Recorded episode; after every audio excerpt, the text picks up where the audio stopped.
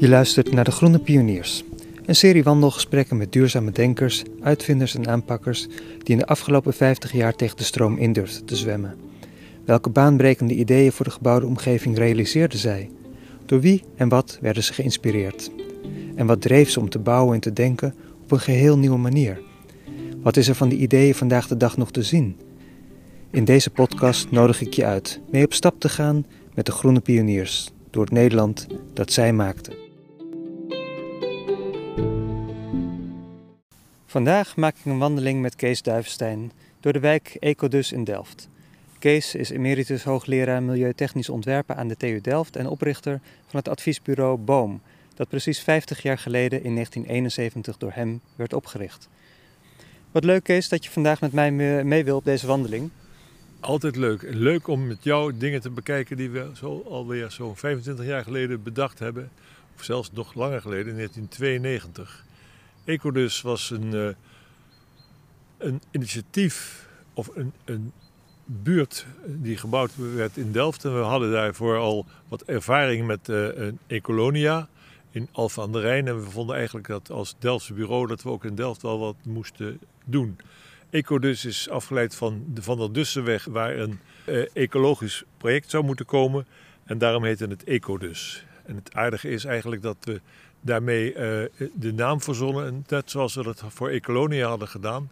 Ecolonia was een, uh, een initiatief van wat we zelf hadden genomen, wat, waar, waarmee we uiteindelijk bij het bouwfonds waren terechtgekomen om ergens in Nederland een, een, buurtje te maken van zo'n 100 woningen. Het idee was tien architecten die ieder tien woningen ontwerpen met allerlei verschillende milieuthema's. Uiteindelijk waren we naar heel veel omzwervingen in Alphen aan de Rijn eh, terechtgekomen. En toen eh, vroegen ze mij verzin, of tenminste toen had ik verzonnen van... hé, hey, wat leuk, Alphen aan de Rijn is een oude Romeinse vestiging. Uh, een kolonia, we maken het woord ecolonia. En dat doen ze een aantal weken daarna zeiden van... we hebben dat woord, uh, die naam vastgelegd... om te voorkomen dat iemand anders ermee doorging, zei ik... Hebben jullie dan vastgelegd dat ik die naam heb verzonnen? Nee, dat hadden ze niet vastgelegd. Voor ja, twee jaar na de hand er een boekje verscheen over Ecolonia. Schreef de journalist dat Ecolonia was afgeleid van het begrip utopia. Nou ja, zo uh, geef je namen iets. We waren in die tijd nog niet zo, of we waren nooit erg opgebrand dat wij de eer kregen van wat er gebeurde. Maar we initieerden gewoon dingen met het bureau. Ja, en daarom hebben we natuurlijk deze podcast om eens te laten zien wat er eigenlijk in die tijd al gedaan werd door jullie. En het is mooi om te horen dat het begint met een naam. Dus we staan hier in Ecodus, uh, bij de Van der Dussenweg. En in Delft. Uh, het is een winterse dag, zoals het hoort in Nederland, een paar graden boven nul. Het een, uh, een grijze lucht.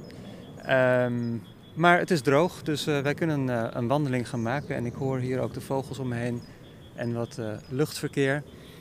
Um, ja, we kijken hier aan tegen wat strokenbouw. Baksteen, twee lagen, plat dak.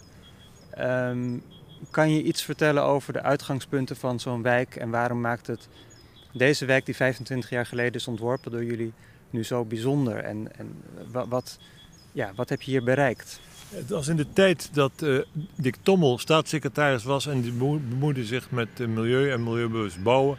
En die introduceerde het begrip duurzaam bouwen. En daarvoor, in de tijd daarvoor was duurzaamheid, of eigenlijk milieu, milieubewust bouwen, uh, was altijd iets van ja, materiaal en, uh, en energie. Maar hij zei ja, je moet eigenlijk verder gaan. Je zal ook de stedenbouw erbij moeten halen. En toen hebben we niet alleen Ecolonia, maar vooral ook Ecolus ja, heel erg geprobeerd vanaf het begin de stedenbouwkundige randvoorwaarden te maken. En die strokenbouw waar je net over sprak, daar staan we hiervoor. En daarbij is heel erg goed gelet dat de bezonning van de, de, de stroken onderling zo was dat ook met lage winterzon toch nog in de woonkamer de zon kon schijnen. En dat, al die stroken op zuid-zuidoost georiënteerd waren. Strokenbouw heeft dan het nadeel dat je op een gegeven moment de voorkant en de achterkant bij elkaar krijgt. En dat is hier opgelost door aan de noordkant van de woningen, aan de, over het pad heen, want het, het, zijn voetpaden waar geen auto's zijn, over het pad heen een gebruikstuintje te maken waar de bedoeling van was dat mensen dan daar moestuinen hadden. En aan de zuidkant hadden ze een soort siertuin. Ja. Dat kan je hier zien. Zullen we daar eens even langs lopen? Ja, prima.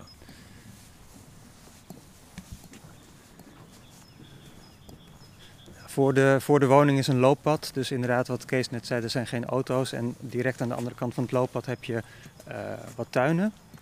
Ja, dat idee was, die idee was moestuinen. En het zou leuk zijn om te kijken of er nog iemand een kopje sla of een, uh, een rabarber of een, uh, een wintergroente zoals boerenkool heeft staan. Ja, Tot nu toe zie ik niet zo erg veel.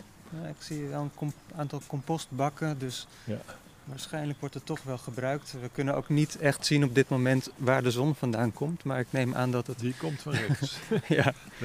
Als er zon was, zou er nu in de schaduw lopen. hey, kijk hier. Kijk, kijk, kijk, kijk, kijk, kijk, Hier staan de prei, staat er. Prei? Ja. En, en dit zijn de... Ja, wat zou dit zijn? Oh, dat zijn... Boontjes of zoiets, of zonnebloemen die uitgebloeid zijn. Maar hier is een, heel duidelijk wel een aantal bedjes gemaakt voor, uh, voor groenten. Ja.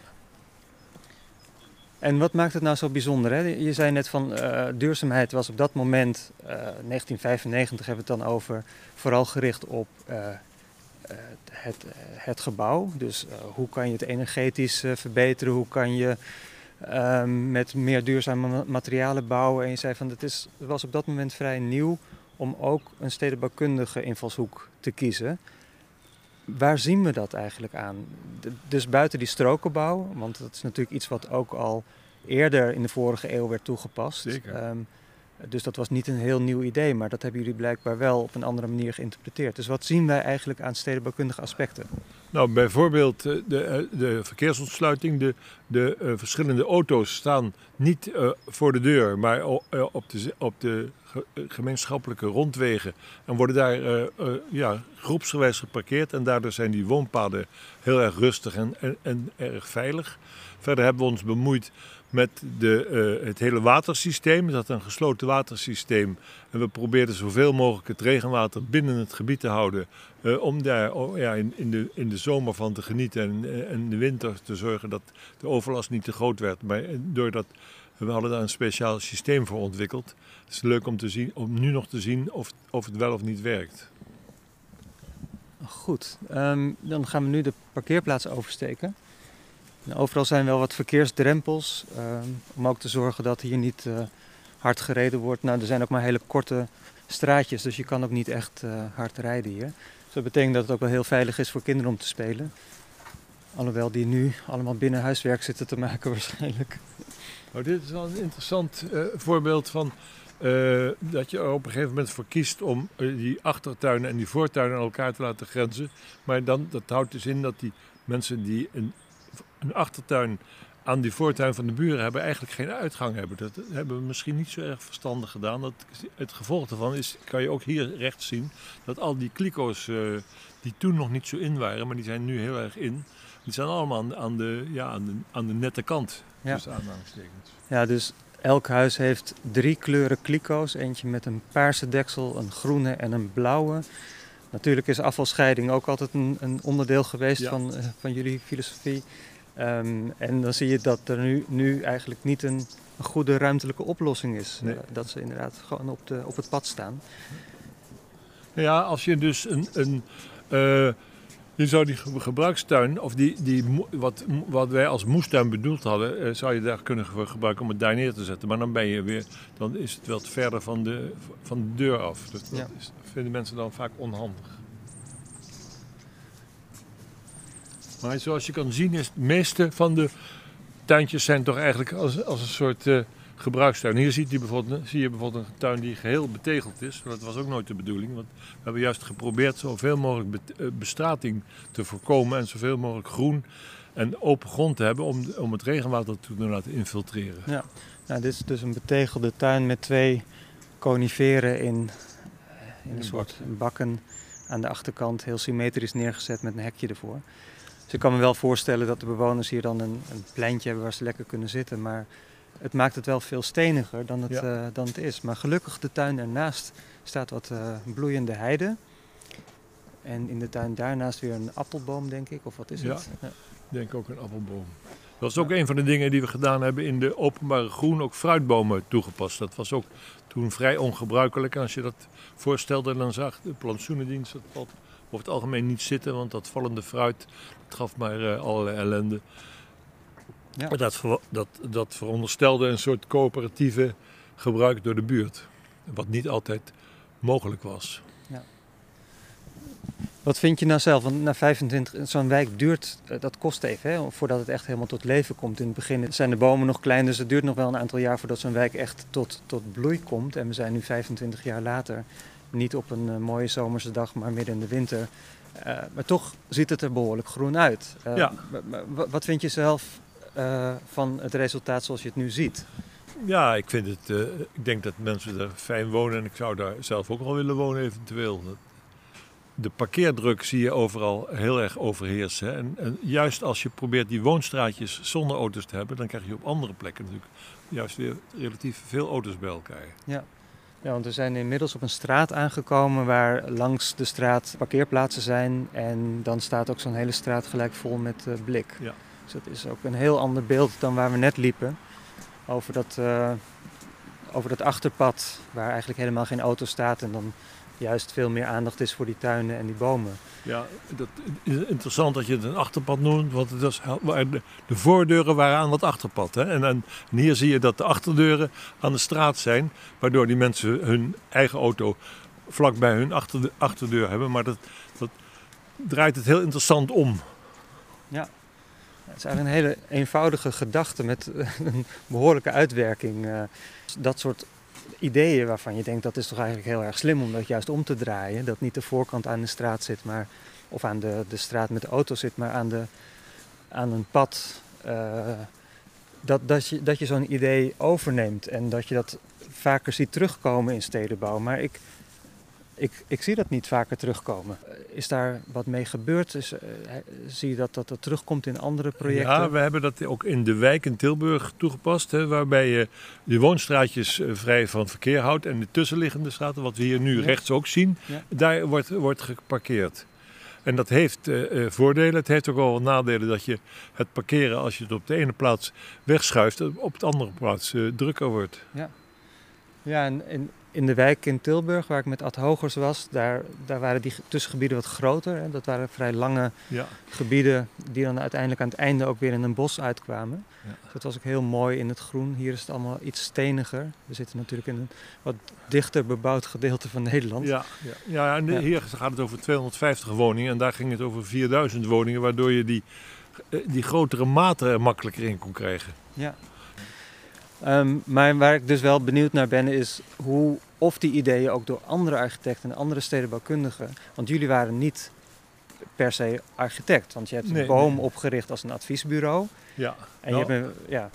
Nou, we hebben wel, wel in het begin geprobeerd dat te combineren, maar dan kreeg je heel vaak dat architecten uh, heel veel processen zijn gebaat bij verschillende mensen die tegelijkertijd aan werken, maar sommige creatieve processen lijkt het wel alsof één de ontwerper is en de andere mag alleen maar iets aan, aanbevelen. Als wij dan op een gegeven moment iets, iets, uh, uh, een aanbeveling deden om iets te doen, dan werd er link naar ons gekeken en wie is hier de architect. En we hebben toen zelfs geleerd om een beetje knullig te schetsen. Want als je te mooi schetst, dan denken ze, hé, hey, dat is ook een architect. Dus wij als adviseur schetsen dan we hebben knullige schets, cursussen gevolgd. zodat ze, zij dat dan mee naar huis konden nemen. Mooi uitwerken en de volgende keer, kijk eens wat ik heb verdacht. Op zo'n manier probeerden we ze te verlokken om, om de ideeën die wij hadden toch toe te passen. Ja. Um, maar je had zelf een je bent zelf opgeleid als bouwkundige, als ja, architect. Dus ja. uh, het is best lastig natuurlijk om dan die pet af te zetten. Hoe, zie, hoe heb je dat ervaren? Nee, dat vond ik niet zo lastig. Maar het was, het, het, het, het je moest proberen ja, de waardering voor elkaars inbreng te hebben in zo'n proces. En, en dat zei ik wel eens tegen collega's op de, op de universiteit. Als jij uh, de helft van de waardering hebt, zou hebben voor wat ik aan het doen ben, die ik voor jou aan doen, dan ging het allemaal goed. Maar jullie vinden altijd die dingen die met milieu te maken hebben onbelangrijk. Een aardig voorbeeld is het begrip duurzame stedenbouw. Heb ik heel vaak met de stedenbouwers op de universiteit discussie gehad. Ja, die zeiden maar, stedenbouw is per definitie duurzaam. Kijk maar naar Amsterdam. Dan zeg ik, jongens, Amsterdam, dat is gebouwd met geld van slavenhandel. Dat vind jij duurzaam, maar dat is helemaal niet duurzaam. Maar dat heeft ermee te maken dat jullie denken dat duurzaamheid alleen milieu is. Maar duurzaamheid is zowel de sociale kwaliteit, de economische kwaliteit, als de, als de milieukwaliteit. Nou, ik ga hier even stilstaan, want we, we staan midden op de brug. En dan kijken we over het water. En op dat water komen weer wat achtertuinen uit met stijgers en uh, een groene oever aan de linkerkant. Uh, die doorloopt in het water. En riet, dat is uitgegroeid, maar het nieuwe riet komt alweer op. Ja. Dus dit uh, zijn wel elementen die ik vaker in wijken terug zie ko komen waar Bomen aan gewerkt heeft. Dat klopt. We hebben heel erg geprobeerd die, die oevers zo natuurlijk mogelijk te houden. En toen was ook het gebruik van tropisch hardhout nog heel normaal. En wij hebben gezegd, nou je zou eigenlijk grenen moeten gebruiken. En zelfs zover net, onder het water duwen, zodat het erg uh, heel goed blijft. Zodat het nooit niet droog wordt en niet kan verrotten. En uh, je ziet dat hier eigenlijk goed, goed gedemonstreerd. Met, met de linkerkant een soort uh, gemeenschappelijke kant met wat fruitboompjes in die helling. En rechts is privékant, maar dan heeft iedereen toch weer zijn aardige sherryterrasje gebouwd. En ja, de natuurlijkheid van links en rechts je, zie je heel erg groot verschil van. Ja, maar het heeft ook wel een gezellige rommeligheid. Ja, zeker. Dus, ja. Maar die, je had het net over die stedenbouwkundigen, die dan een heel ander idee hebben over, dat, uh, over wat dan duurzame stedenbouw is. Je hebt 50 jaar geleden ben je met boom begonnen. Dat is eigenlijk heel bijzonder, want het is, dat is in een tijd dat het absoluut, dat eigenlijk niemand er nog mee bezig was. En je was zelf nog student. Dus hoe, wat heeft je ertoe aangezet om in die tijd, 1971, te beginnen met een adviesbureau, om je met, ja, om duurzaamheid op de kaart te zetten? Nou, toen heette het nog geen duurzaamheid, toen heette het ecologisch bouwen. Ik zag ecologie eigenlijk als, zoals economisch bouwen is, zo goed mogelijk, zo goed mogelijk voor je portemonnee is, ecologisch bouwen zo goed mogelijk voor het milieu. Die ideeën had ik eigenlijk meegekregen uit Amerika. Ik had bij Skidmore, Owens Merrill als stagiaire gewerkt. En er was in die tijd een heleboel aan de hand in Amerika. Je had de, de Chicago Seven, uh, uh, mensen die hadden samengespannen om, om uh, althans daar werden ze van beschuldigd, uh, er, was heel veel uh, te, te, doen over de vrouwenemancipatie, de emancipatie van zwarte en over milieu. Ik kan me nog herinneren dat degene bij wie ik logeerde zei: Ja, we hebben op het ogenblik iets met pollution. Pollution, pollution, nooit van gehoord, zei ik. Dat was, dat was 1969. Hè? En toen ja, stelde ja met uh, riolen en zo. Nou, nou, en, maar dat was eigenlijk ja, iets wat, wat daar speelde. En dat speelde op dat moment in Nederland nog helemaal niet. En toen ik terugkwam dacht ik, ja, ik ben niet zwart, ik ben geen vrouw, dus ik ga maar die derde uh, stroming uh, doen die van belang is. En ik ga me met het milieu bemoeien. En dat was in die tijd heel bijzonder, want ja, dat werd gewoon niet gedaan. Milieu waren, die, waren die, de industrieën in Rijnmond, maar dat milieu iets met, met landbouw of met, milieu te, met bouwen te maken had, dat, dat vond men een heel raar idee. Ja. Ja, en dus niet alleen het adviesbureau, wat al heel vroeg was, maar je bent ook gaan lesgeven en uiteindelijk hoogleraar geworden. Um, kan je daar iets over vertellen? Wanneer was dat? En, hoe... Nou ja, het was in het. het uh, ik ben uh, heb zelf gestudeerd in de tijd dat je als student heel veel mocht. Je mocht je eigen uh, dingen samenstellen. Ik ben bijvoorbeeld ook afgestudeerd op een bufferzone tussen Delft en Den Haag en de Haagse agglomeratie. En het was in de tijd dat Jacob Bakema, onze beroemde architect, maar ook hoogleraar, zei: de studenten moeten in hun eigen buurt gaan kijken wat daar aan de hand is. En die moeten daar gaan kijken wat, wat er te doen is. Toen heb ik mijn eigen buurt gekeken en toen bleek dat er een soort plan voor lag. Daar heb ik me met dat plan bemoeid. En toen ben ik heel erg uh, bezig geweest met allerlei dingen die, die met landschap te maken hebben, met wateronttrekking, met van alles en nog wat. En het was eigenlijk heel erg nieuw dat, dat je zoveel verschillende disciplines bij elkaar bracht in één plan. Ja. En dat ben je dan uiteindelijk ook in je onderwijs gaan ja. verwerken, dat uh, een soort integraal werken? Ja, we hebben toen uh, de, in, de, in de zestiger jaren de studiegroep, uh, nee, sorry, de 70 jaren de studiegroep Stadsontwerp en Milieu opgericht. Uh, ik werkte toen bij het Centrum Technische Milieukunde. En ik, ik zocht iets om, om, om die verschillende disciplines. Het Centrum Technische Milieukunde was in, tussen de afdelingen staand uh, instituut op de TU. En uh, ja, die mensen vonden het allemaal. Het was 73, 74, 75. Mensen begonnen in de gaten te krijgen dat het milieu belangrijk is. Maar we zagen nog helemaal geen, geen uh, reden of geen manier om samen te werken. Daar heb ik een studiegroep opgericht, Stadsontwerp en Milieu. Die maakte blauwdruk voor een stad. Dat was naar aanleiding van een, een nota die Milieudefensie had gemaakt, blauwdruk voor overleven.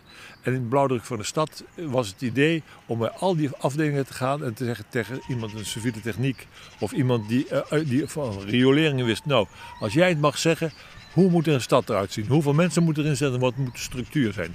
Bij zonne-energie gingen we dat vragen. Bij transport, allerlei dingen die met de stad te maken hebben. En toen bleek eigenlijk dat mensen zeiden: Ja, teken jij nou maar een stad, dan zal ik wel commentaar op leveren. Nee, jullie mogen vanuit je, vanuit je eigen vakgebied zeggen: wat zou nou maximaal voor jouw vakgebied zijn? En dat lukte niet om die mensen zover te krijgen om iets te schetsen. Want die waren altijd gewend dat de, dat stedenbouwer iets schetste. En dan gingen zij commentaar leveren. En toen hebben we dat geprobeerd in 1977 hebben we een studiegroep opgericht. Een interuniversitaire studiegroep planologie. En daar zaten studenten, afstuderende studenten van de verschillende richtingen in. En die hebben datzelfde toen geprobeerd. En, en daar is de eerste somgroep. Uh, het was heel interessant dat ik bij Skidmore, Owens Merrill SOM had mhm. gewerkt en daarna een somgroep oprichtte. En die, die, die, daar was voor het eerst eigenlijk dat er aandacht aan de relatie tussen milieu en stedenbouwkundig ontwerp ge, ge, gezocht werd. Ja. En was dat dan heel erg tegen de, tegen de klippen opwerken? of hoe heb je dat ervaren? Had je veel medestanders op de faculteit? Ja, de, de, ik was misschien een sympathiek mens, dus ze vonden het allemaal wel sympathiek wat ik deed. Maar een voorbeeld is dat toen Wieke Reuling hoogleraar wilde worden, toen uh, solliciteerde hij, was hij bij een sollicitatiecommissie. En misschien is het wel geheim wat ik nu vertel, maar goed. Hij, werd, hij vertelde dat, dat is er toch bij de faculteit bouw, of de afdeling bouwkunde heette toen nog, meer aan milieu moesten doen. En toen werd hij s'avonds opgebeld door een van de leden van die commissie, van Wiek, moet je nou luisteren. Als je bij ons hoogleraar wil worden, moet je niet met die onzin beginnen. Kees is daar, Duivensteen is daar prima mee bezig en dan laat hem lekker zijn gang gaan. Maar wat jij zegt, dat kan je geen hoogleraar mee worden. En dat was kenmerkend voor die tijd van eind tachtiger jaren. Ja. En, en, en op een gegeven moment hebben we voor elkaar gekregen dat er wel een hoogleraarsplaats eh, kwam. En toen heb ik samen met Jon Christensen, Christensen was uh, bouwfysicus, was architect, maar heel erg veel met bouwfysica en energie bezig geweest. Als, als uh, medewerker van de afdeling bouwfysica. En, en ik heb toen samen op die, op die stoel gezeten en hebben daar ja, ieder op onze eigen manier aan gewerkt. Zullen we nog een stukje doorlopen? Ja, prima. Dan krijgen we het weer een beetje warmer. Ja.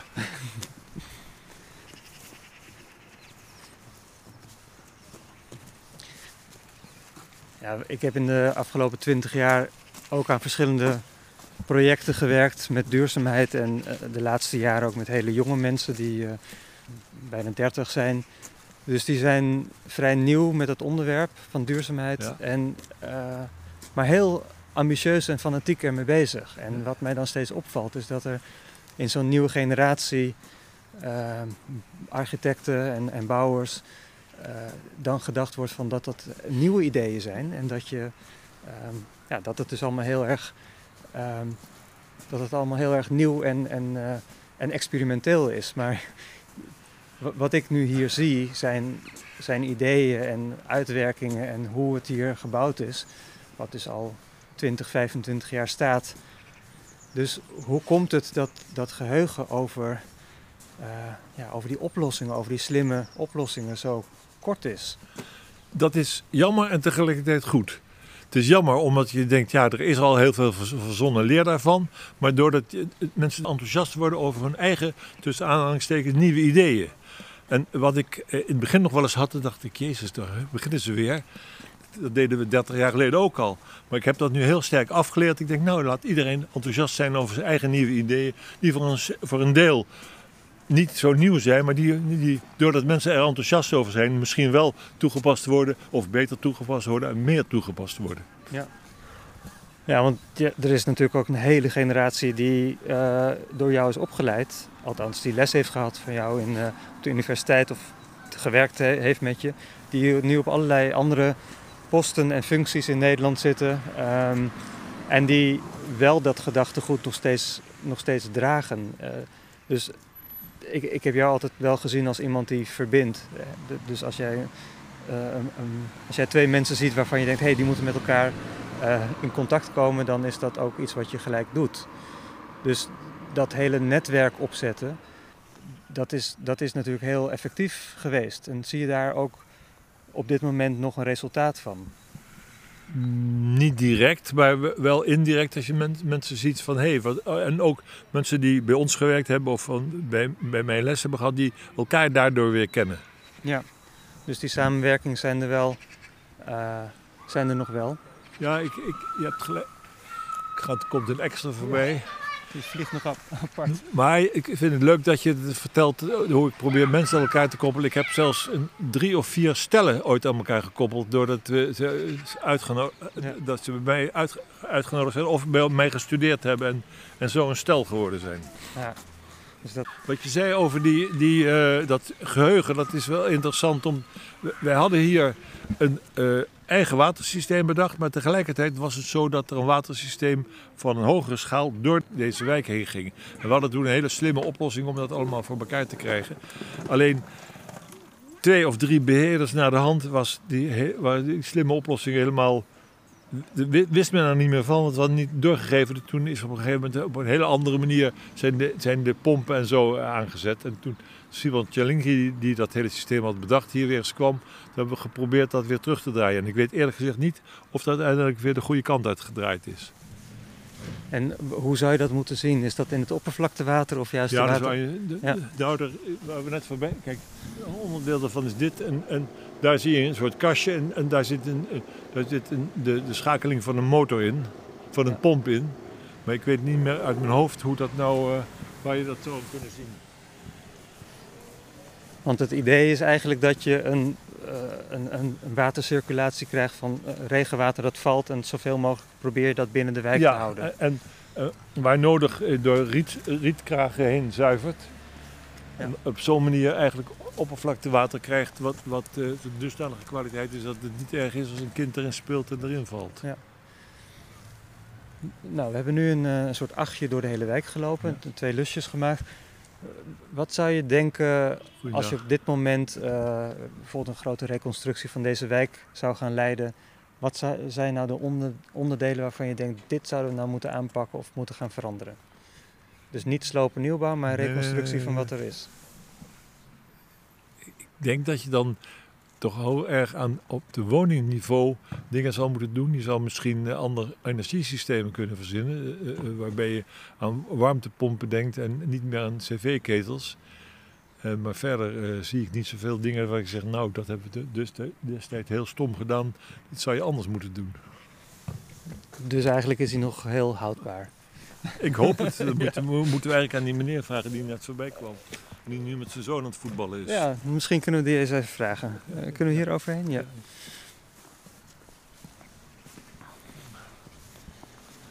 Heren, mogen we iets vragen?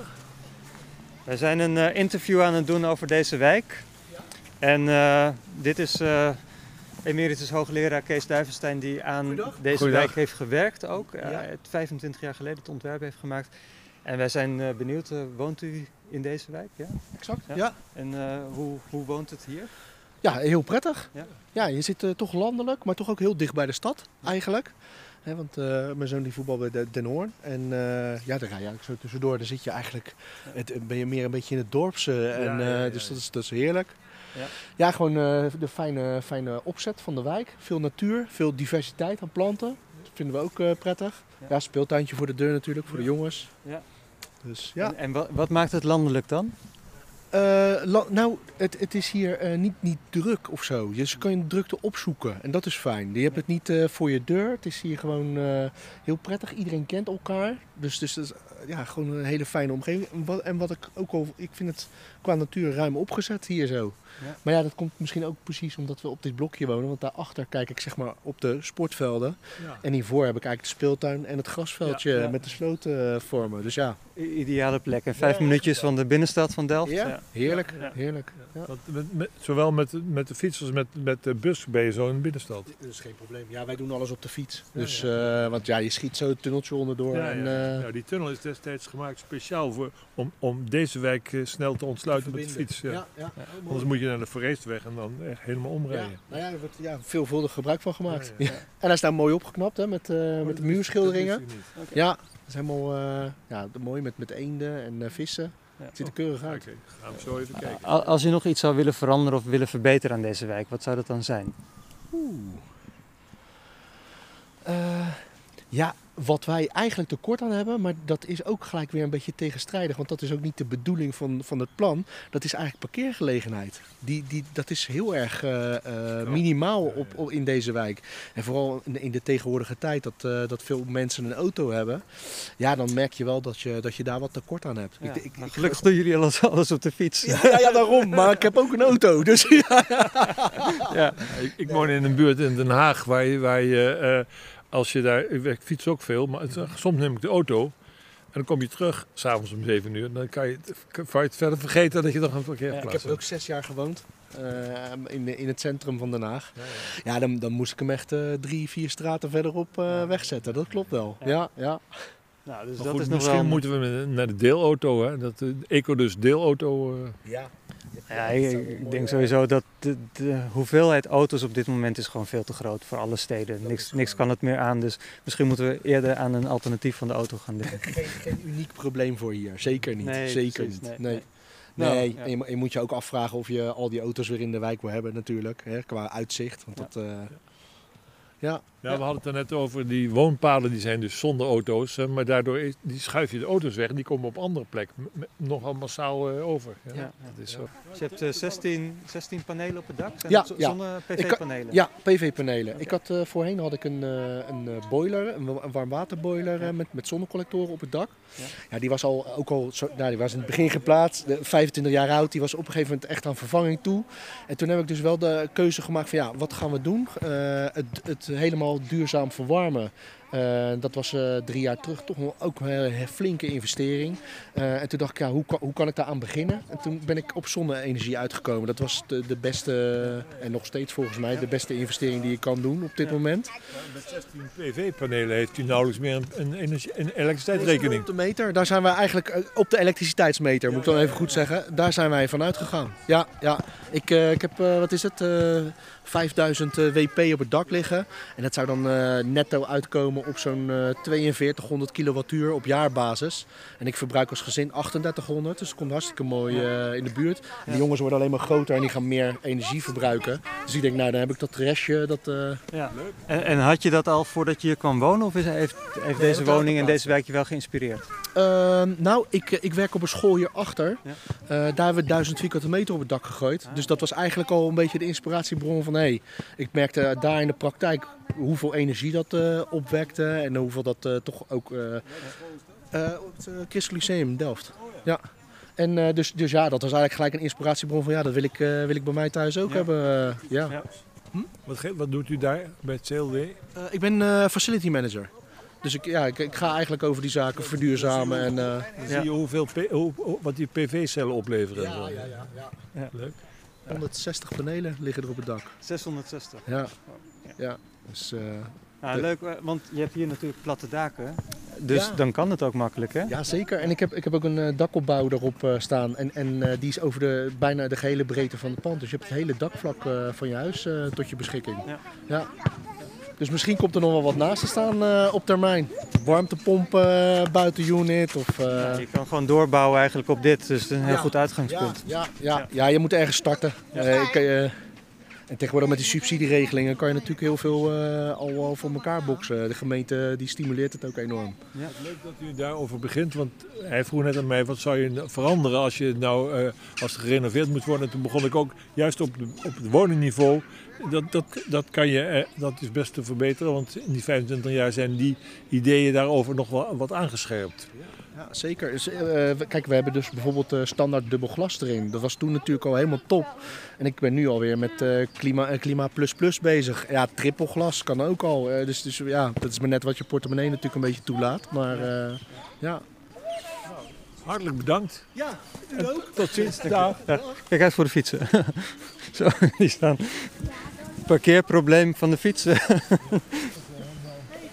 We zijn denk ik wel rond, hè? Ja, ik Dus we kunnen, kunnen teruglopen, ja. Nou, het is misschien wel in- interessant om te zien hoe, hoe hij had het over het dakkenbouw. Ik denk dat het oorspronkelijk twee lagen waren en hij heeft er een derde laag opgezet. Je Ja. kan daar zien dat het niet overal gebeurd is. Nee, maar de, de, het gebouw in baksteen dat ernaast staat, dat Ja. heeft wel drie lagen. Ja, dus het sluit op zich wel mooi aan. Ja, niet storend, ja. Ja. En daar is die ruimte genoeg eh, om te voorkomen dat, dat ze in elkaars schaduw staan. Nou, het is wel heel netjes gedaan met een doorlopende houten gevelbekleding. Ja. Nee, maar toch goed om eh, te horen hoe, eh, hoe mensen hier wonen en het toch gebruiken. Dus dan, eh, Hij hij heeft er wel geluk in dat hij precies, dat hij precies op, op deze groenzone kijkt. Hè? Goed, ik eh, denk dat we hem hier gaan afsluiten. Mooi. Want we zijn door de hele wijk heen en eh, ik hoop eh, op een mooiere dag in de lente ook met je naar Amersfoort te gaan. lijkt me heel, heel leuk. Maar dit was een hele mooie wandeling. En ehm, nou Kees, ik wil je heel erg bedanken. En ik Graag heb weer enorm veel geleerd. Dit was De Groene Pioniers met Kees Duivenstein. En tot de volgende keer.